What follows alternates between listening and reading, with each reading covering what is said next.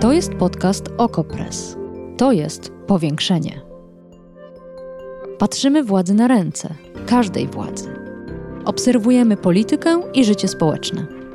Ustalamy fakty, komentujemy wydarzenia i przede wszystkim rozmawiamy z Wami i z naszymi gośćmi.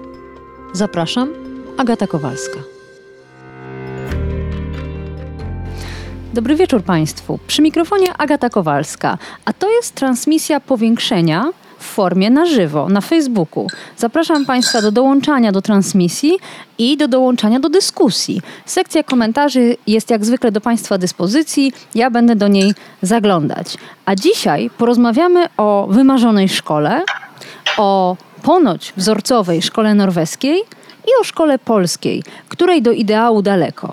Ale pomyślałam sobie, że mimo pandemii, mimo zamykania szkół, warto nie tylko dla wiedzy, ale też dla naszego zdrowia psychicznego trochę pomarzyć i trochę podyskutować o tym, jak zmienić świat uczniów, uczennic, nauczycieli, nauczycielek i rodziców na lepsze. A inspiracją do tej rozmowy był wpis na Facebooku Hanny Zielińskiej, która zamieszkała w Norwegii i kilka dni temu napisała tak – co czwartek moja piątoklasistka robi w formie pracy domowej prasówkę. Prasówkę z norweskich mediów i przygotowuje notatkę z wybranej wiadomości. Następnego dnia może się przekonać, dla ilu osób w klasie ten sam news był równie ważny i podyskutować o tym, jak zweryfikować jego źródło. Czy to możliwe w polskiej szkole? Czy tego typu lekcje w ogóle się odbywają? Kto je prowadzi?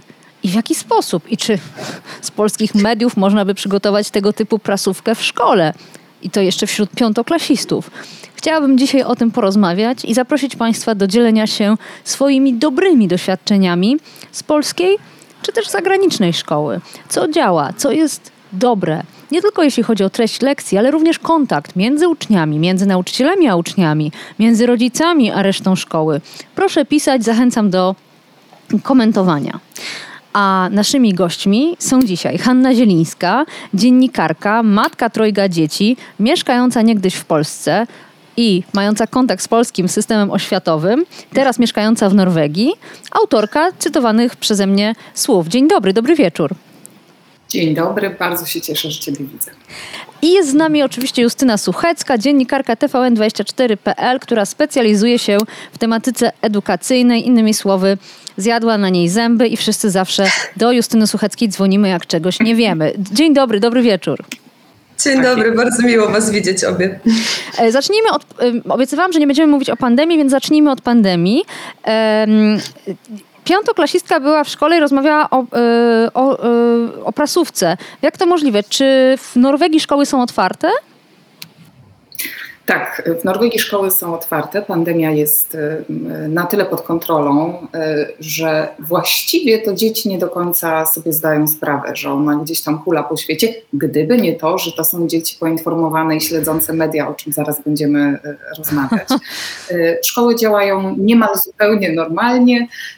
Oczywiście są pewne drobne obostrzenia. Dzieci na przykład w swoich klasach codziennie na dużej przerwie czyszczą sobie stoliki, każdy y, swój blat czyści, mniej więcej pięć razy dziennie dezynfekują ręce pod okiem nauczyciela, y, ale dzięki temu y, i nie tylko dzięki temu, dzięki dużej dyscyplinie w społeczeństwie norweskim, właściwie społeczeństwo właśnie może funkcjonować dosyć normalnie. Funkcjonują zupełnie normalnie szkoły, ale, ale zaraz, nie, najważniejsze pytanie. Chodzicie w maseczkach? Czy chodzicie w maseczkach? Dziękuję za rozmowę. Nie mam Nie widziałam u siebie to, jest, to jest coś niesamowitego. To jest coś nie... Dobrze. Przed chwilą e, skończyła się, przed godziną, e, konferencja prasowa polskiego ministra zdrowia Adama Niedzielskiego. E, do Justyny Sucheckiej pytanie, jakie są decyzje w sprawie polskich szkół, czy czy coś wiemy, coś się zmieniło? Coś najlepsze, na gorsze? Zdecydowanie się zmieniło, dlatego że też najmłodsi uczniowie wracają do domów i to co najmniej do 9 kwietnia, a z tego, co mówił dzisiaj minister Niedzielski, raczej to nie jest taka perspektywa, że po 9 kwietnia to się cudownie wszystko naprawi w Polsce, bo nawet dziś na konferencji, mimo że wydaje się to dosyć odległą datą, jak na e, decyzje dotyczące pandemii w naszym kraju, padło takie zdanie, że może po 9 kwietnia klasy 1-3 może wrócą hybrydowo, czyli nawet to nie jest pewne. Mówimy cały czas o tych najmłodszych dzieciach, o tych dzieciach w wieku 6, 7, 9 lat, e, które właściwie nie mogą zostać same i których nauka zdalna bardzo komplikuje życie, e, całe życie domowe. Myślę, że na, najbardziej. E, to jedna rzecz, a druga to oczywiście rzecz niezmienna i, i coś, co trudno jest dzisiaj zrozumieć, myślę, rodzicom, czyli to, że cały czas czynne są równocześnie przedszkola i żłobki. E, czyli to miejsce, w którym trudniej jest zachować dystans, w którym e, dzieci są w grupach e, takich dosyć dużych, w których się przytulają do swoich pań, w których trzeba je codziennie odprowadzić i się przecinamy gdzieś tam w szatniach. E, no ale właśnie, to jest e, ten ewenement jest polski. ta różnica niewielka, nie wiem, tu Państwo pewnie ją wychwycili, zresztą Pani Justyna napisała po prostu niesamowite i trzy wykrzykniki. E, a pani Paulina napisała z Oslo. O, niesamowici są Państwo. Dziękuję za te komentarze. Proszę pisać, proszę pisać. Ja naprawdę cały czas tu czytam. E, pani Paulina napisała, że chodzimy w maseczkach, pozdrawiam z Oslo. Hanna Zielińska mieszka w mniejszej miejscowości i rozumiem, korzysta z y, luksusu, jakim jest zdrowa wspólnota wiejska tak, w tak. Norwegii. Ja mieszkam w miejscowości 2000 mieszkańców y, i tutaj y, od roku, od początku pandemii y, tylko trzy przypadki koronawirusa wystąpiły. Rzeczywiście w większych ośrodkach miejskich jest trochę więcej tych przypadków i słyszałam, że chodzi się w maseczkę. Pani Paulino, proszę pisać więcej, proszę pisać koniecznie. No dobrze, no to mamy coraz więcej różnic, coraz bardziej rozdziela się, oddzielamy się od Hanny Zielińskiej i odpływamy od niej, ale to nic, bo celem naszej rozmowy jest szukanie pozytywów w polskiej szkole i szukanie takich elementów, które może ich jeszcze nie ma, ale zaraz Justyna Suchecka na pewno mi powie, że słyszała i że wie, że tak się dzieje, ale też, że można je wprowadzić, że nie ma e, takich e, ramowych, systemowych e, e, hamulców czy przeszkód, że po prostu można tę szkołę rozwijać. To ja mogę od razu jedną rzecz, Tak, Agata? zapraszam. Że ja taką prasówkę, jak ta piątoklasistka w Norwegii, twoja kochana, miałam jak chodziłam do liceum, a to nie było wczoraj, więc to nie jest rzecz niemożliwa w polskiej szkole. A na jakich lekcjach? na, his na historii. O proszę. Co czwartek? Musieliśmy oglądać. Nie, akurat to nie było co czwartek, to było co poniedziałek i Ale mieliśmy poza prasówką, że musieliśmy spisywać, co było w programach informacyjnych. To co tydzień każdy musiał przynieść opracowany przez siebie artykuł publicystyczny z prasy, z tygodników albo z prasy branżowej, więc ja chciałam powiedzieć, że ja wiem, że to brzmi jak magia. Tak. Ale to się zdarza. I ja naprawdę nie kończyłam liceum wczoraj. No to niesamowite. Właśnie o takie historie mi chodziło. Ja niestety nie mam takiego dobrego doświadczenia. Ja chciałam tak od razu, żebyśmy nie zostali z tym przekonaniem. Bardzo dobrze. Da, od razu, y, do, do razu do Hanny Zielińskiej pytanie, czy w norweskiej prasie jest cokolwiek interesującego, co dzieci wybierają, bo gdyby robiły prasówkę z polskiej prasy, to myślę, żeby wiele się o życiu nauczyły. A jak to jest w Norwegii? E, to jest rzeczywiście bardzo ciekawe, co polskie dzieci przynosiłyby do szkoły jako temat e, do dyskusji, e, biorąc pod uwagę, co się w tej chwili dzieje właściwie od kilku lat na naszej scenie politycznej. Tutaj dzieci mają pełną swobodę w trakcie tej prasówki wyboru informacji, która ich zainteresuje, zainspiruje, wyda im się ważna. Też na wstępie powiem, że według e, organizacji Reporterzy Bez Granic Norwegia jest na pierwszym miejscu, jeśli chodzi o wolność prasy, wolność słowa w mediach. E, I wydawałoby się, że jedno drugiemu przeczy. Wychowywanie e, obywateli niezwykle krytycznie nastawionych do mediów. Przez wiele lat ten program w szkole jest prowadzony. To nie jest tak, że on jest tylko w piątej klasie. To jest piąta, szósta, siódma. Moja ósmoklasistka dokładnie to samo robi. Też co tydzień relacjonuje i dyskutuje o tym, co wydarzyło się na świecie, mhm. jak zrozumiała te y, wiadomości, które podawane są w mediach. Wydawałoby się właśnie, że jedno drugiemu szkodzi, y, a paradoksalnie wzmacnia oczywiście. Krytyczni odbiorcy mediów, krytyczni czytelnicy oznaczają silniejsze, mocniejsze, tak. Y, bardziej niezależne, mniej podatne na wpływy media. Jeśli chodzi o to, co dzieci sobie wybierają, to w ostatnich miesiącach mm, takim newsem, który jak się okazało następnego dnia po pracówce e, cała klasa nim żyła, właśnie w tej piątej klasie, e, no to było lądowanie łazika Perseverance na Marsie. To był news numer jeden, dzieci wszystkie to wybrały. Z jakichś powodów 6 stycznia atak na Kapitol, też wszystkie dzieci niezwykle e, zainteresował, e, te sceny, te zdjęcia, ale bardzo często to są po prostu wiadomości sportowe, w szczególności oczywiście dotyczące nart, Norwegów, rekordy, futbol, to dzieci się tym interesują, to jest w porządku. To, co jest e, dużo tutaj ważniejsze, to to, że ta dyskusja, która odbywa się dzień po, dzień po tej prasówce, po pierwsze ona jest nieobowiązkowa, to jest też jedna z cech norweskiej szkoły, tu nie ma mm, odpytywania, jest pytanie, czy y, ktoś chce się podzielić tym, co przeczytał, czy chcemy się dowiedzieć, ile osób wybrało taki czy inny y, temat. No i potem właśnie może się pojawić dyskusja y, o, o, dotycząca źródeł. I potem, e, przepraszam, że ci przerwę, i potem e, wzoruję się teraz na rozmowie, którą niedawno e, dla powiększenia przeprowadziłam z trojgiem licealistów, i potem zapada cisza. Mówili oni, gdy nauczyciel rzuca pytanie w przestrzeń, nikt nie wyrywa się do odpowiedzi. Czy tak mhm. jest y, w polskiej szkole? Do Justyny Sucheckiej przekierowuję. Czy rzeczywiście jest z tym kłopot?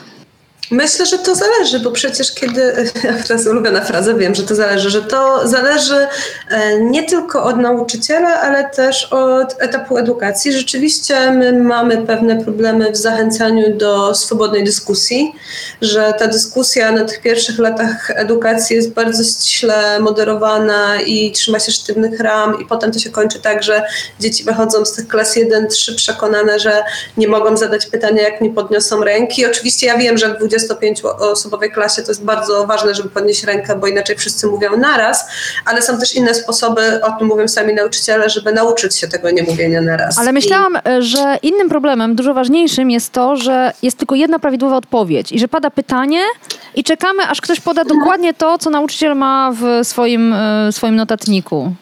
I ja myślę, że to jest e, trochę krzywdzący mit dla polskiej mhm. edukacji. To znaczy, on oczywiście się zdarza w wielu klasach. Ja też znam takich nauczycieli, którzy tak pracują z młodzieżą i, i absolutnie jest to coś, co potępiamy, ale jest to taka, mm, taki mit, który się ciągnie od kilkunastu lat, czyli od wprowadzenia nowej matury, że my cały czas mówimy, że polskie dzieci muszą odpowiadać pod klucz. I rzeczywiście w pierwszych latach, ja jestem drugim rocznikiem tej nowej matury, ta matura tak wyglądała. Była bardzo sztywno rozpisana i klucz to były jasne odpowiedzi, że ma być czarny, biały, zielony, e, zrobił wtedy, poszedł tam w określonej kolejności. Myśmy od takiego oceniania prac maturalnych, to znaczy w ogóle egzaminów, ale na maturach to widać najlepiej, odeszli. Mhm. I to już parę ładnych lat temu mamy holistyczne ocenianie prac. Nie ma wcale już tego klucza z polskiego, takiego, gdzie punkt po punkcie e, jest.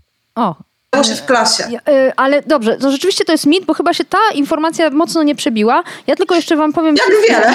E, dlatego rozmawiamy. E, e, dużo osób napisało, że miało prasówki na lekcjach z WOS-u, czyli wiedza o społeczeństwie. O to się wciąż tak nazywa? Y, do Justyny Sucheckiej, tak? No więc na WOSie pan Mateusz miał takie, takie prasówki, pani Monika pisze, że też miała na WOSie i nie kończyła szkoły średniej wczoraj. Mrugnięcie okiem. Pozdrawiamy pani Moniko. Pani Joanna tak samo. E, pani Magda napisała, że ona z kolei uczy WOS-u i jej uczniowie przygotowują prasówki raz w tygodniu. Pani Magdo, proszę pisać więcej. Jak pani zachęca ich do wypowiedzi? Czy są długie dyskusje, czy raczej milczenie? Na co pan, y, a na to wszystko pan Piotr pisze, że szkoły w Polsce nie będą takie jak w Norwegii, bo są u nas zupełnie inne stosunki społeczne.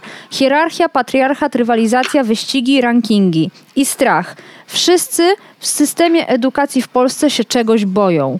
Uczniowie nauczycieli i rodziców, nauczyciele dyrektorów i rodziców itd. Tak Jest też tu fetysz ocen i w ogóle porównywania się. Jakie społeczeństwo, taka szkoła. Panie Piotrze, bardzo, bardzo dziękujemy za ten komentarz. Ja mam nadzieję, że trochę jest tak, że w nim jest prawda, ale że nam się uda dzisiaj troszeczkę go porozbijać i pokazać, że pewne rzeczy są możliwe, nawet w takim tak. trudnym społeczeństwie. Justyna Suchecka, co... Ja przez co my... cało to, jak ty czytałaś, przeglądałam Twittera, bo szukałam takiego wpisu, co koniecznie go chciałam znaleźć, bo to jest wpis nauczyciela mhm. E, Jacka Staniszewskiego, nauczyciela historii tutaj z Warszawy, którego być może znacie, super tak, tak gość. Tak jest, tak jest. No i Jacek na przykład napisał 1 marca, to nie jest przypadkowa data w tym kraju. Dziś święto wyklętych. Co zrobię na lekcji? Temat. Dlaczego kłócimy się o wyklętych? Praca na artykułach z dwóch stron polskiego świata.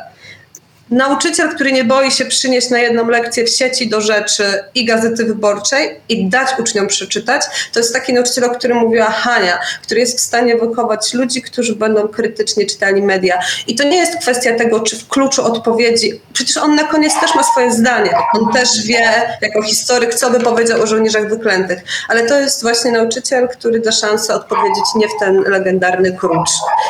Ktoś odpowiada za nas, słyszymy. To jest wypowiedź psa na temat y, polskiej edukacji. Ja się zgadzam z psem. Mam nadzieję, że większość Państwa z Justyną Suchecką i zna więcej takich nauczycieli jak Jacek Staniszewski. No dobrze, to teraz y, może jeszcze bym prosiła y, Hanię Zielińską o to, żeby wymieniła z pięć takich elementów szkoły norweskiej, które ją zachwyciły jako rodzica, ale też dwo, twoje dzieci. Co, co jest takiego, co wam, czy jeszcze w ogóle pamiętasz, czy już wszystko jest, jest naturalne i oczywiste, co tam takiego było e, w- fajnego, co działa? Y, Rzeczywiście natura ludzka jest taka, że y, bardzo szybko przyzwyczajamy się do tego, co jest lepsze w naszym życiu, y, y, a dużo trudniej się adaptujemy do tego, co jest y, niewygodne. E, Zaczęłabym od kontynuacji tego komentarza, który przeczytałaś. On jest bardzo trafny. Ja bardzo często słyszę w odniesieniu do sytuacji w Norwegii, no tak, ale to jest bogaty kraj. No tak, ale gdyby nie ropa, e, to, to by wyglądało zupełnie inaczej. Na co moim argumentem jest to, że owszem, to jest kraj na ropie, ale jest bardzo wyjątkowym krajem na ropie. Spójrzmy na Arabię Saudyjską, spójrzmy na wszystkie inne kraje, gdzie hierarchia spo, społeczna właściwie tylko się pogłębia, e, po, podziały klasowe. I właśnie ta kwestia struktury społecznej, e, to, że e, na przykład w Norwegii nigdy nie było pańszczyzny, oni e, zjawisko feudalizmu znają z podręczników historii Europy, e, a ta równość e, i brak właśnie takiego e, wzajemnego bania się siebie nawzajem e, wynika z ich głębokiej tożsamości e, historycznej i kulturowej. Mhm. To, do czego moje dzieci bardzo długo się przyzwyczajały, do dziś jeszcze, to jest ostatnia zmiana, którą do dziś adaptują, do której się adaptują, to jest mówienie po imieniu do nauczycieli.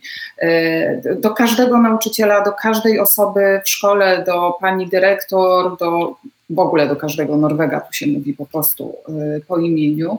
E, I to, to nie jest tylko mm, symboliczna zmiana w relacji z nauczycielami, tylko rzeczywiście ja dzisiaj rozmawiałam ze swoimi dziećmi przed naszą rozmową, przygotowując się do niej, pytałam, e, jakie to ma dla nich znaczenie. I one mają takie wrażenie, że nauczyciel to jest ich znajomy, który się z nimi przyjaźni i który jest po to, żeby im pomóc.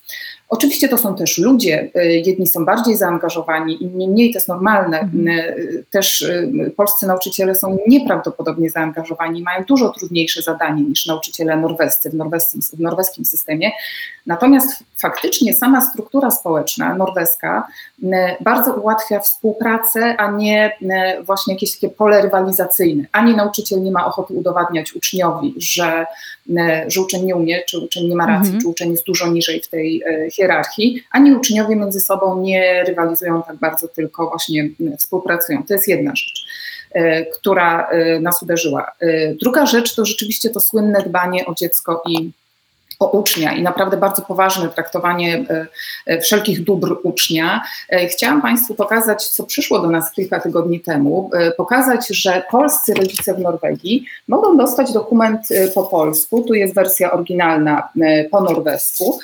To jest takie pytanie do rodziców o zgodę, żeby dzieci mogły wziąć udział w ankiecie na temat tego, czy się czują bezpieczne, w jakich warunkach się uczą, w jakich warunkach dorastają, na ile e, m, mogą opowiedzieć lokalnym politykom, lokalnym władzom, co by sprzyjało rozwojowi w ich szkole. I to jest badanie e, przeprowadzone przez Uniwersytet Oslo Med na zlecenie gminy. To jest najpiękniejsze. To nie jest tak, że przyszedł uniwersytet, przyjechał do nas i kontroluje, jak tutaj e, w naszych szkołach dzieci się miewają, tylko e, nasza gmina zapłaciła za to, żeby dowiedzieć się jeszcze więcej o tym, jak e, dzieciaki w szkole się czują i czego potrzebują. I, i, bo teraz, bo, bo to, bo ja, wprawdzie mi troszeczkę już wybuchł mózg, więc jest mi trudno prowadzić dalej tę rozmowę, ale mam nadzieję, że Państwo wciąż są z nami. Gmina nie tylko chce się dowiedzieć, ale pyta o to dzieci. Nie pyta o to nauczycieli, dyrektorów szkół, ani rodziców, tylko dzieci. ja nie chcę już trzech pozostałych rzeczy na razie, bo nie wytrzymam. Prosiłabym Justynę Suchecką o odniesienie się i o e, taką e, też mm, informację, czy, czy zgadza się z tym, że to zaufanie, ta chęć nie rywalizacji, ale raczej współpracy jest możliwa w polskiej szkole, a jakie są jej bariery? E, chciałam powiedzieć, że myślę, że te bariery, które mamy, to są często bariery społeczne, a nie wcale bariery instytucjonalne, że bardzo łatwo jest nam sprowadzić te problemy, które pojawiają się w Mhm. szkole, e, do tego, że podstawa programowa, że kuratorium, że coś tam, że Tak czas. jest, tak jest, to Ale ja tak chciałam naprawdę powiedzieć. wie- Tak, i to na pewno działa. I tą frazę możemy powtarzać, Mhm. możemy też na niej skończyć, ale równocześnie e, to samo kuratorium, ta sama podstawa programowa i, i ten sam klimat działa, nie wiem. Teraz e, cały czas myślę dużo w ostatnich tygodniach o takiej szkole e, w Radowie Małym, to jest województwo zachodniopomorskie, szkoła wiejska, gmina po PGR-owska, e, jeszcze kilkanaście lat temu bardzo wysokie, niemalże rekordowe bezrobocie. I co? I to jest szkoła, w której dzieci mają kuchnię, w której gotują i kroją nożem. Uwaga, to będzie straszne. E, I rob, hodują zwierzątka i chodzą na szczudłach i robią różne dziwne rzeczy. I to jest szkoła publiczna. E, I dyrektorką jest e, która ostatnio, rok temu dokładnie, i, to jest takie zdanie, które chyba towarzyszyło nam e, przez całą pandemię, że w szkole nie chodzi o szkołę. I dlatego mówię, że takimi przeszkodami przed tymi rzeczami, o których mówi Hania, jest nasze społeczeństwo, bo nie wiem, czy pamiętacie te pierwsze reakcje, jak zaczęła się e, pandemia w Polsce. Poza tymi rodzicami, którzy narzekali słusznie na to, że ktoś im wysyła za dużo maili i za dużo zadań, i że dzieci muszą robić wszystko same, to naprawdę zapewniam Was, że było też mnóstwo rodziców, którzy pisali, czemu pani z matmy nie robi sprawdzianów? Dlaczego pani z polskiego przestała wystawiać oceny? Ja chcę, żeby moje dziecko miało oceny, bo przecież zaraz jest koniec semestru i dlaczego ono nie ma ocen? Ono miało trójkę, ale chciałoby mieć czwórkę. I dlaczego wy mu nie dajecie przyjść i zaliczyć czegoś na ocenę? No przecież to nie jest o systemie. E, To każda szkoła ustala w statucie, ile ma być ocen. To jest o naszym przyzwyczajeniu, że w szkole 80. i 90. było jakoś, my ją skończyliśmy, było dobrze, nikt nie narzekał. E, cytując Łukasza Najdera, mieszkaliśmy nad brzegiem jeziora, matka kroiła wiatr i zawsze tak już ma być. I, i to jest chyba największa przeszkoda w budowaniu Ale- polskiej szkoły, bo e, t- szkoła, o której mówisz Ty, Haniu, to jest szkoła wspólnoty, szkoła, w którą tworzą ludzie, a my nie potrzebujemy, żeby szkołę tworzyli Ale ludzie. Nie ma takiego ciśnienia. Wróćmy do tej szkoły w małej wsi. Co tam było potrzebne, żeby taka, ta, takie zmiany były wprowadzone? Na czym, one, na czym się to oparło? No właśnie na zaproszeniu rodziców. Na zaproszeniu rodziców, posadzeniu ich w ławkach, ale nie z perspektywy posadzenia w ławkach, przed którym wszyscy się Państwo bronicie, czyli tego zebrania e, rodziców raz na pół roku, co to wszyscy chowają się pod stołami, że przez przypadek nie zostać wybranym sekretarzem grupy, e, bo to się nie zmienia od czasów szkolnych. E, Tylko właśnie takiego, słuchajcie, jest u nas źle. Jest u nas ciężko, jest u nas biednie, niczego nie mamy, ale możemy mieć fajną szkołę. I co możemy zrobić, żeby zrobić to razem? I to naprawdę nie jest jedyna taka szkoła. Tuż przed przeprowadzką do Warszawy, pamiętam, pojechałam do Chwali Bogowa, to jest z kolei Wielkopolska, gdzie zrobiono coś, co wydaje nam się super wypasioną innowacją, czyli ogród szkolny ogród szkolny, który właśnie w takiej małej miejscowości zrobili rodzice. Pan jeden tata przyjechał traktorem, coś tam zrobił, pan drugi tata pomalował płot, pani mama pomogła im posiać e, kwiatki i to wszystko działało. I cały czas nie mówimy o gminach, e, najbogatszych wiejskich gminach w Polsce i rodzicach e, z wypasionymi po prostu bibliotekami, tylko o normalnych, lokalnych społecznościach, które uznały, tak jak mam poczucie jest w Norwegii, że szkoła to jest nasza wspólna sprawa, ale wspólna sprawa w szkole to nie jest to, żeby moje dziecko jak najlepiej napisało egzamin na koniec. No tak, A ale to jest trochę też... tak jest, że my to postawiliśmy na głowie. To jest też to, to, o czym mówi Justyna Suchecka, to jest też zaangażowanie się rodziców w szkołę, e, kiedy my sami byliśmy przyzwyczajeni do tego, że kiedy my, dzieci, jesteśmy w szkole, to rodzice mają spokój. A tutaj nagle mają się angażować i jeszcze się nad tym wszystkim zastanawiać. I zastanawiam się, jak to jest w Norwegii, czy rodzice są angażowani na jakim poziomie i a na ile właśnie są odciążeni i wszystko spada no tutaj, na jest, tutaj jest kolejna e, duża różnica i ona niekoniecznie mogłaby się podobać e, polskim rodzicom, bo tutaj rzeczywiście rodzice są bardzo angażowani, e, ale powiedziałabym, że to jest jakiegoś rodzaju samoorganizacja, to jest poczucie właśnie współodpowiedzialności. Z wielkim zaskoczeniem zobaczyłam, że na zebraniach szkolnych, na razie byłam na trzech zebraniach szkolnych, część zebrania prowadzona jest przez nauczycielkę, nauczyciela prowadzącego, e, a potem e, nauczyciel, nauczycielka wychodzi, bo skończył swoją część. Jeden z rodziców prowadzi dalszą część zebrania i omawiamy Ale różne kwestie. Bez nauczyciela? Bez. To jest sprawa. jesteśmy, tak, jesteśmy w szkole, która jest. I nie ma pani?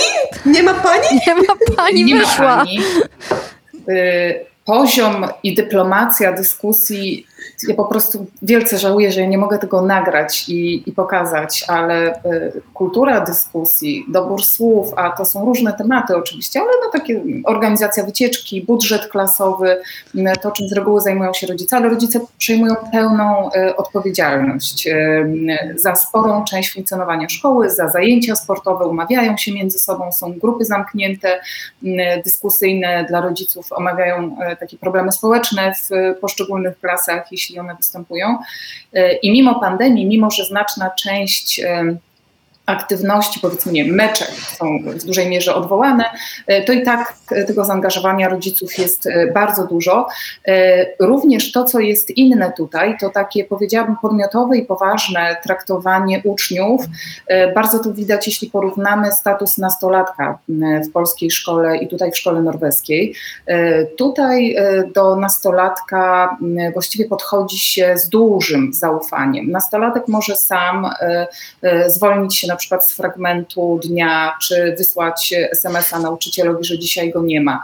E, może odpowiedzieć, że ma ochotę albo nie ma ochoty zaprezentować pracę domową lub podzielić się swoją e, wypowiedzią czy zdaniem e, na dany temat e, i jest współgospodarzem szkoły. Ostatnio dostaliśmy informację, że rusza taka kafejka w szkole po pandemii, jest próba otworzenia. Oczywiście prowadzi ją młodzież. Młodzież sobie przygotowała cennik, to są jakieś tam proste produkty, jakaś tam, nie wiem, grzanka, czekolada na gorąco ale chodzi o to, żeby y, młodzież czuła się współgospodarzem szkoły. Y, dla młodzieży i dla dzieci też, to już akurat na poziomie państwowym, przygotowany jest specjalny serwis informacyjny y, właśnie o wydarzeniach społeczno-politycznych, po to, żeby się dzieciaki do, dosyć wcześnie czuły e, współodpowiedzialne, czy też e, współuczestnikami życia społecznego e, i politycznego. I to jest ta różnica, którą ja pamiętam jako osiemnastolatka, bardzo tego doświadczałam i czułam wręcz absurd tej sytuacji. Miałam już dowód osobisty, mogłam już brać udział w głosowaniu, siedzę na lekcji, wchodzi pani dyrektor i sprawdza, czy ja zmieniłam kapcie i chodzi od ławki do ławki i notuje sobie, kto dzisiaj zmienił, a kto nie zmienił. I po prostu y, czułam ten absurd, że ja mogę wybrać prezydenta, mogę oddać głos, a nie mogę na przykład napisać, że nie będzie mnie dzisiaj w szkole, bo mam ważne sprawy. E, no więc tu jakoś to płynnie, płynnie to upodmiotowianie e, uczniów jako młodych obywateli e, rzeczywiście wchodzi, wchodzi w rzeczywistość, wchodzi w społeczeństwo, to się przekłada, to się to mhm. owocuje takim mniej powiedziałabym spektakularnym buntem nastolatków. Tutaj nie ma na przykład w naszej miejscowości ani jednego graffiti. E, ci ludzie czują się częścią y, tej przestrzeni, tego społeczeństwa, y, mają też swój budynek. O, to jest ciekawe, to jest coś, czego nie znałam. W Norwegii występują takie instytucje Ungdomsklub dla dzieci między 13 a 18 rokiem życia. E, są takie specjalne miejsca, e, oni tam na przykład mogą sobie, jest kuchnia, mogą sobie pójść w jakichś godzinach po południu, to jest tylko dla nich, robią sobie pizzę, potem tą pizzę mogą sprzedać e, w miasteczku na kawałeczki. Mają taki swój świat, który jest bardzo szanowany, e, jest bardzo odróżniany od świata e, młodszych dzieci. Jest taką zachętą do współodpowiedzialności za rzeczywistość naokoło razem z dorosłymi. Hmm. Zaglądam do komentarzy. Pan Jakub napisał: Polski system szkolnictwa jest tragiczny. Dziękuję, że pan to napisał, bo już czuję, że po prostu dość już o tej Norwegii. E, to, pisze pan Jakub, oczami psychologa. Nie jest możliwe, żeby w najbliższej dekadzie coś się zmieniło, gdy rząd uważa, że jakaś zmiana przesunięcie liczby godzin to już jest reforma. Przede wszystkim trzeba by uznać, że edukacja jest w ogóle ważna. Po drugie, przyznać, że obecny system nie działa zbyt dobrze. Po trzecie, dać więcej środków. Obecnie praca w oświacie jest, nie jest pożądana przez dobrych specjalistów. Inaczej jest w krajach takich jak Niemcy, Szwecja, Dania, gdzie zawód nauczyciela ma dużo wyższy status społeczny. To są też takie zdania, które ja zawsze powtarzałam. I tu je, oddaję je Justynie Sucheckiej, żeby mogła to skomentować, na ile pieniądze są istotne w polskiej szkole, na ile płaca i mm, waga nauczyciela jest istotna, żeby mogła ta szkoła lepiej działać, żeby komukolwiek się chciało. Ja myślę, że to jest to nie jest takie wcale łatwe, bo jeżeli na przykład spojrzymy na procent PKB, który Polska wydaje na oświatę w stosunku do innych państw, to wcale nie jest u nas tak tragicznie i o ile w nauce, czyli w tym poziomie wyżej, to jest duży kłopot, o tyle w edukacji to nie jest wcale aż tak straszne. Problemem jest oczywiście to, gdzie te pieniądze trafiają, w jaki sposób są wydawane, co jest naszym priorytetem przy ich wydawaniu. No i tutaj niestety nie mam dobrych wieści i wielokrotnie rozmawiałyśmy o tym, Państwo też na pewno toczyliście tę dyskusję o tym, ile powinien zarabiać nauczyciel. I jeżeli nauczyciel początkujący, inżynier e, dostaje tyle, co wynosi pensja minimalna, a to jest fakt, dlatego że początkujący mm. nauczyciel nie może liczyć na te wszystkie słynne dodatki, które tak chętnie wypominamy nauczycielom, to jest to pewien problem. Ale z drugiej strony takich głosów jak ten, który przytoczyłaś, wcale nie jest tak dużo. Kiedy bodaj 3 lata albo 4 lata temu, ten rok pandemii się chyba nie liczy, więc 3 lata temu. E, Warki Foundation to jest e, taka organizacja pozarządowa, która przyznaje tak zwanego szkolnego Nobla, czyli daje milion dolarów najlepszemu nauczycielowi na świecie i tam w finale zawsze jest ktoś z Polski, co warto podkreślić. Raz mieliśmy polską nauczycielkę z Norwegii, to też było wspaniałe. E, to e, zapytano rodziców z tych kilkudziesięciu państw świata, które brały udział w tym badaniu, na co przeznaczyliby dodatkowe pieniądze w edukacji. Polacy byli naprawdę na samym końcu, jeśli chodzi o pensje nauczycieli. My mówiliśmy o tablicach multimedialnych, oczywiście. o nowych technologiach w szkole, o rzeczach. Nie mówiliśmy w ogóle o ludziach i oczywiście to jest też o tym, że jesteśmy państwem cały czas na dorobku, że na pewno mamy zupełnie inne wyposażenie szkoły niż, nie wiem, Niemcy, czy, czy Holendrzy, czy Norwegowie, e, ale to też jest trochę o naszych priorytetach i niestety to jest taki podział. Jak dwa lata temu mieliśmy strajk nauczycieli, to wcale nie było tak, że całe społeczeństwo stanęło za nimi murem i oni do dziś wspominają o tym, y, z jakim hejtem się mhm. spotkali. tak. I oczywiście każdy z nas miał złego nauczyciela, ale każdy z nas miał też dobrego. I to jest strasznie dziwne, że my po latach skupiamy się tylko na tych złych, że nagle zapominamy e, o tych ludziach, którzy byli fajni i mówiąc uczciwie, to już ostatnie zdanie, bo wiem, że strasznie dużo gadam, e, przypomniałam Sobie o tym i myślę, że przypomniało sobie dużo osób. Parę tygodni temu pisałam tekst o pierwszych nauczycielach, czyli o nauczycielach przedszkolnych.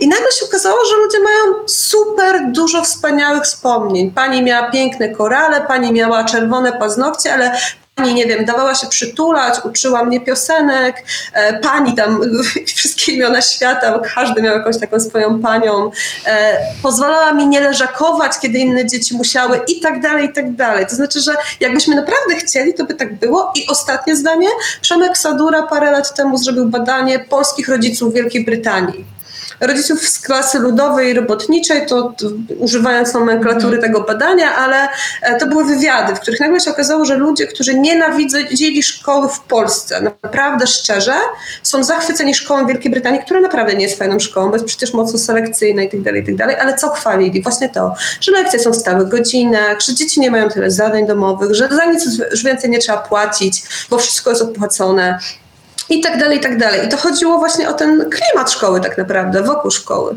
I dlatego, kiedy pan Jakub mówi te wszystkie rzeczy, to jest wszystko prawda. No, tylko pytanie, czy my naprawdę chcemy coś z tym zrobić, bo wydaje mi się, że niestety nie. I nie wcale nie chodzi tylko o polityków tego, czy poprzedniego, czy następnego mm. rządu, mm. tylko nas jako społeczeństwa. E, chciałabym teraz e, przenieść nas e, wszystkich na chwilę mm, na ulicę Wiejską, dlatego że dzisiaj wieczorem Sejm ma mm, pracować nad projektem ustawy Tak dla rodziny, nie dla gender.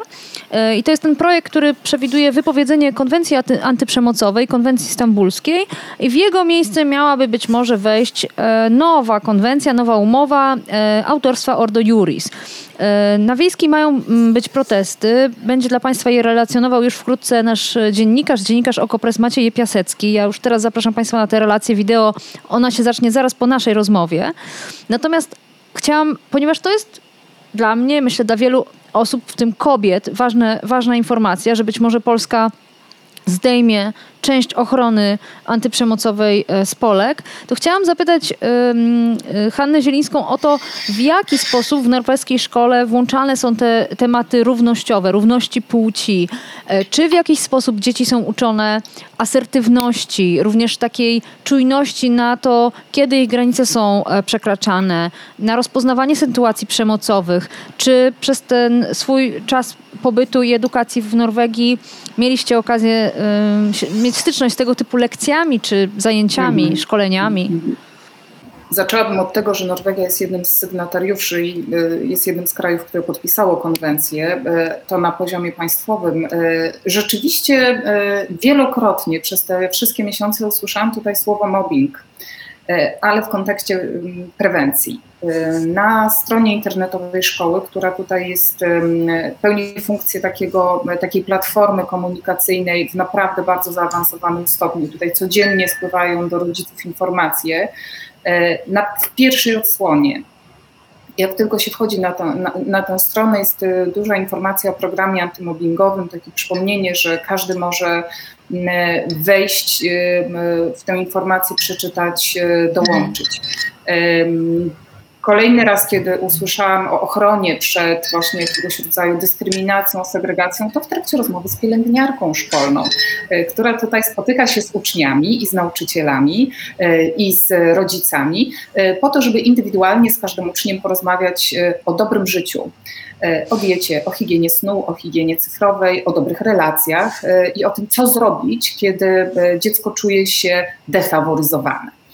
E, to, co tutaj robią też nauczyciele, jeśli chodzi o praktyki antydyskryminacyjne, e, to jest bardzo ciekawe, z tym spotkałam się pierwszy raz, to nie wiedziałam w ogóle, że funkcjonuje e, taka instytucja czy taki pomysł. E, po pierwsze, mieszają podgrupy klasowe, to znaczy co jakiś czas sadzają ze, ze sobą w ławkach osoby, którym jest e, do siebie powiedzmy daleko, e, ale to nie jest żaden rewolucyjny pomysł. Rewolucyjnym pomysłem jest tworzenie tak zwanych wenne grupy, czyli takich grup przyjaciół, kolegów, koleżanek, właśnie też e, z różnych środowisk e, e, i aranżuje się spotkanie tych dzieci po 4 po 5 osób popołudniami w domu poszczególnych osób. Oczywiście za zgodą rodziców, oczywiście we współpracy z rodzicami. Oczywiście nie jest to obowiązkowe i każdy może odmówić.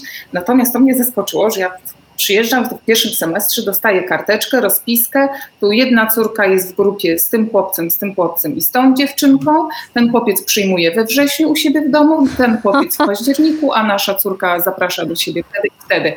I to natychmiast dało nam wejście płynne dziecku migranckiemu, Aha. które nie mówi w tym no języku. Właśnie. Dziecko jest w grupie dziecko jest natychmiast w grupie y, tak czy inaczej. To zapobiega temu właśnie takiemu y, tworzeniu się takiej figury, nie wiem, pariasa w klasie, y, czy, czy kogoś, kto może pełnić funkcję e, kozła e, ofiarnego. E, obserwowałam też niedawno sytuację, którą faktycznie już można było nazwać mobbingiem nie w kontekście prewencyjnym, a w kontekście obserwacji tego, co się wydarzyło w klasie ósmej, czyli w klasie 13-14-latków. Mm, jedna z uczennic dostała informację od drugiej, że coś się dzieje wokół jej osoby w internecie, w jakiejś tam zamkniętej grupie klasowej, ktoś o niej pisze coś nieprzyjemnego, ktoś z klasy i obserwowałam, co się, co się zadzieje. Mm, ojciec tej dziewczynki poszkodowanej e, napisał dosyć długą wiadomość właśnie na tej wewnętrznej grupie dyskusyjnej dla rodziców, i poziom, y, jednoczesne połączenie spokoju tych rodziców, a, jedno, a jednoczesnego zaangażowania bardzo głębokiego, naprawdę jest imponujący i ja nie mogę tego cytować tylko dlatego, że po prostu to, to są rozmowy zamknięte, ale każdy jeden rodzic z tej ósmej klasy się wypowiedział. Y, absolutnie było jasne w tej rozmowie, kto co napisał i komu i w ogóle to jakby tu jest ogromna transparentność ogromna ilość empatii, zapewnienia ze strony każdego rodzica, że każdy jeden porozmawia ze swoim nastolatkiem o tym, zanim e, sprawa pójdzie dalej. A to był raptem jeden wpis. No, zupełnie tak naprawdę przypuszczam, że w polskich warunkach niezauważony i niegroźny. Tutaj się bardzo wcześnie chwyta takie sytuacje. kilka tygodni temu też po raz pierwszy pod swoim domem zauważyłam radiowóz. Sobie myślę, oho, ho, tyle miesięcy tu mieszkam, w końcu zauważyłam. Co się okazało? Okazało się, że młodzież właśnie z, znowu z ósmej klasy w ostatnich dniach z nudy y, odprawiała takie pranki, rytuały, y, podchodziła od domu do domu, dzwoniła dzwonkiem i uciekała. No. Aha, aha, numer stary jak świat. Ale tutaj takie sytuacje traktuje się naprawdę bardzo poważnie. Następnego dnia policja przyjechała do szkoły po to, żeby porozmawiać żeby powiedzieć, słuchajcie, jestem tu. Jeśli jest jakiś problem, możecie ze mną porozmawiać, ale chcę Wam powiedzieć, że dla niektórych starszych osób to może być niepokojące. Ja wiem, że Wy jesteście w takim wieku, że Wam się nudzi i potrzebujecie rozrywki, ale chcę Wam powiedzieć, że jak zadzwonicie do tej czy innej osoby, y, która, która ma problemy z poruszaniem się, to może być dla niej y, problem. Mhm. Także tutaj tak bardzo wcześnie się chwyta y, takie zjawiska, które, o, o których u nas nawet nie ma przestrzeni, i czasu, żeby, żeby rozmawiać, że rzeczywiście wydaje się, że to w zarodku dusi jakiegoś rodzaju niebezpieczne, grupowe czy przemocowe hmm. zachowania, co nie oznacza, że to jest kraj idealny, co e- nie oznacza, że w szkole nie ma przemocy. Jasne. E, pani e, Justyna napisała, że jak słucha tego wszystkiego, to jest jej tylko smutno, bo myśli, że w polskiej szkole to nigdy nie będzie możliwe. A pani Monika napisała, że to świetny pomysł z tymi spotkaniami włączającymi dla nowych, e, a właściwie dla wszystkich, no bo rozumiem, że to jest po prostu dla wszystkich, żeby nikt nie czuł się tak. pominięty. Tak. E, pani Paulina teraz pisze to e, słuchaczka z Oslo ponownie na moje wezwanie, bo tutaj nie wiem, czy Państwo zauważyli, że to działa trochę inaczej niż w polskiej szkole, bo ja mówię, proszę pisać, Państwo piszą, jak najęci, zgłaszają się do odpowiedzi, co mnie strasznie cieszy. Więc Pani Paulina pisze z Oslo, że tutaj nie ma religii jako takiej, rozumiem, że chodzi o y, zajęcia z religii, lekcje. religioznawstwo. E, tak, i, i pani, I pani pisze, że bardziej etyka, dzieci uczą się o wszystkich religiach, nie ma nauki o jednej konkretnej tak. religii.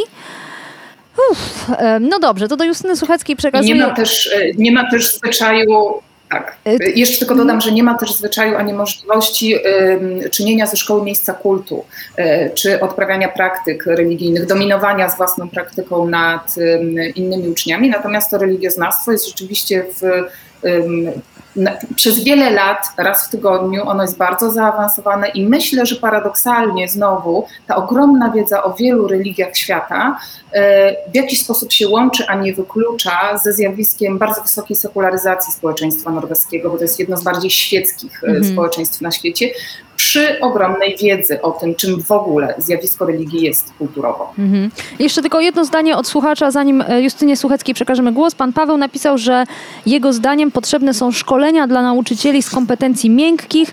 Nauczyciel powinien być partnerem dla dziecka, a nie kimś, kto wie lepiej. I zanim oddam Justynie Sucheckiej głos, to od razu dopytam, czy to nie powinny być też szkolenia dla rodziców, bo mam wrażenie, że w Polsce, w polskich rodzinach bardzo często i z tym jest problem, e, a nie tylko w polskiej szkole. Justyna mm. Suchecka. Tak, ja też myślę, że to rodzicom również przydałyby się szkolenia, zwłaszcza, że wielu nauczycieli jest też rodzicami, więc to się w ogóle nie wyklucza. I w ogóle to jest też bardzo ciekawe, bo myślę, że przy tej zdalnej szkole to było bardzo fascynujące dla wielu nauczycieli, którzy uczą zdalnie, a obok uczą się zdalnie ich dzieci i to, jak zobaczyli swoich kolegów z branży, bywało albo bardzo przyjemne, albo bardzo nieprzyjemne. Bo nagle się okazywało, że oni mają wgląd w pracę swoich kolegów zupełnie inny niż do tej pory. Właściwie codziennie są na jednej wielkiej hospitalizacji. E, I to, o czym sobie myślałam, jak Hania opowiadała, to to, y, że myśmy w ostatnich latach, tu znów myślę raczej o ostatnich 20 latach niż y, pięciu, wypaczyli znaczenie bardzo wielu słów w debacie publicznej. I to wypaczenie znaczenia tych słów sprawiło, że bardzo trudno jest nam o nich rozmawiać w szkole. E, jednym z takich słów jest właśnie dyskryminacja. Kiedy w nazwie warsztatów pojawia się dyskryminacja, i nieważne, co jest dalej, to jest więcej niż pewne, że będziemy mieli wielką uwagę. Będzie bunt na pokładzie. Tak. tak. Mhm. Albo będzie rodzic, który zgłosi, że on sobie nie życzy. E, wczoraj słyszałam historię o e, zajęciach dla dzieci, w których jedna mama na 200 osób uznała, że jakiegoś papierka z RODO nie podpisano i że dziecko nie będzie brało udziału w zajęciach. I to nawet rozumiem porządek, prawo, okej, okay. ale właśnie pamiętam też historię z Krakowa, gdzie szukano e, szkół do wzięcia udziału w warsztatach na temat, e, o ile dobrze pamiętam, to się nazywało e, równych szans. I wcale nie, czy, czy, czy równości, była równość w nazwie i to też był problem, tak, bo oczywiście kojarzy. wszyscy jak słyszeli równość, to byli przekonani, że chodzi o tematykę LGBT co najmniej, co najmniej, a nie wiadomo co jeszcze, a chodziło o ubóstwo. Mm. I naprawdę do tego ubóstwa to już nikt nie doczytał, nikt się nie zgłosił. Oni naprawdę robili łapankę po szkołach. Żeby to zrobić, to, to jest jakby jedna rzecz. A o tym wszystkim mówię dlatego, że um, no właśnie, że mam poczucie, że to jest totalny brak zaufania do nauczycieli jako ekspertów, do uczniów. To, to w ogóle, co ty mówiłaś, Haniu, o tym, jak, my, jak w Norwegii poważnie traktuje się młode osoby, jak wielką daje im się odpowiedzialność, jest niesamowita. E, I mogłabym tak długo narzekać, jak Agata byłaby zadowolona, tak. bo by mogła kiwać głową, że a przecież mówiła, ale e, jako, że umówiliśmy się, że będzie też trochę pozytywów, e, to chciałam zauważyć, że, że te rzeczy też zaczynają się zmieniać. Trochę jest tak, że ta opresyjna polityka wokół szkoły odbija się czkawką, bo zaczynają się tak. buntować ci, którzy powinni się buntować, czyli ludzie młodzi. A. E, po pierwsze, powstało masa instytucji, organizacji uczniowskich poświęconych prawom ucznia. Jest na przykład coś takiego jak Stowarzyszenie Umarłych Statutów, jest Fundacja Praw Ucznia, to robią licealiści. Teraz już w części studenci, bo zdążyli się zestarzeć, im też się to zdarza. I jak na przykład śledzę te umarłe statuty, tam jest takie forum dyskusyjne, mm, gdzie dzieciaki wrzucają, że tam, nie wiem, pani od matmy zrobiła mi to i to i to co byście napisali i komu, żeby rozwiązać ten problem. Nie tak jak zawsze, czyli pani od matmy, nie wiem, e, wstawiła mi trzy jedynki na jednej lekcji, tylko za ja nie wiem, co z tym zrobić, bo jestem z tym sama, tylko pojawia się za chwilę mnóstwo osób, czy widziałaś statut swojej szkoły. W statucie twojej szkoły jest napisane, że możesz mieć ocenę tylko z tego, albo z siamtego, albo coś tam. I nagle się okazuje, że oni taką samą pomocą organizacyjną, prawną dają sobie bardzo duże wsparcie. Mhm. To jest jedna rzecz. Druga to są wszystkie takie organizacje uczniowskie zajmujące uczniowskie i młodzieżowe zajmujące się tymi tematami, o których tak dużo dzisiaj mówimy, czyli, no nie wiem, na przykład nastoletni azyl, czyli dziewczyny, które udzielają takiej rówieśniczej e, pomocy w zakresie zdrowia psychicznego. Fantastyczne. E, Angelika, Weronika, Agnieszka i cały zespół z zapleczem fachowców oczywiście. E, niedawno przecież mówiliśmy wszyscy o ubóstwie menstruacyjnym, nie dzięki politykom, tylko dzięki dziewczynom ze Śląska, które rozpa, rozbujały akcję menstruacja. One, oni się zaczynają zajmować swoimi sprawami, e, budować wokół tego bardzo duże zaplecze społeczne, bardzo duże poparcie, często też bardzo duże środki. E, I na to wszystko lubię patrzeć i lubię o tym mówić, bo na koniec mam przekonanie, że tak, szkoła ma te wszystkie wady, o których już dzisiaj powiedzieliśmy, ale w tak zgniłym systemie musi się coś urodzić, tam musi coś zakwitnąć, no bo taki to jest właśnie, e, takie są prawa natury. No. I kwitnie, i kwitnie coraz bardziej. Ta, ta ale jeszcze... Ta energia rewolucyjna też idzie od nauczycieli. Mhm. To też trzeba powiedzieć, że jest mnóstwo e, zaangażowanych nauczycieli w Polsce. Ja w ogóle podziwiam nauczycieli dzisiejszych w Polsce, którzy mają siłę trwać w zawodzie, a jeszcze tych, którzy decydują się na pozytywizm, na oddolne działania wywrotowe. Mhm. Polecam wszystkim książkę Doroty Kowalskiej-Belwszy. Fantastyczna książka pokazująca, jaka jest y, siła w polskich nauczycielach, którzy są w takiej opresji, w takim imadle tych pseudo-reform kolejnych, coraz mniej pola do działania, a jednak y, coraz więcej pomysłów. A jeszcze w wielu miejscach e, w pandemii, i to jest naprawdę jej wielka zaleta, po raz pierwszy nauczyciele dostali przyzwolenie, takie systemowe tak naprawdę. Nie wszyscy, wiem, że w wielu miejscach to się nie wydarza, ale w wielu już tak, a tego nie było, żeby zapytać ich, jak się czują. Na matmie w szkole, przepraszam, na tą matmę tak przywołuję, ja lubiłam matematykę, to nie jest wyrzut.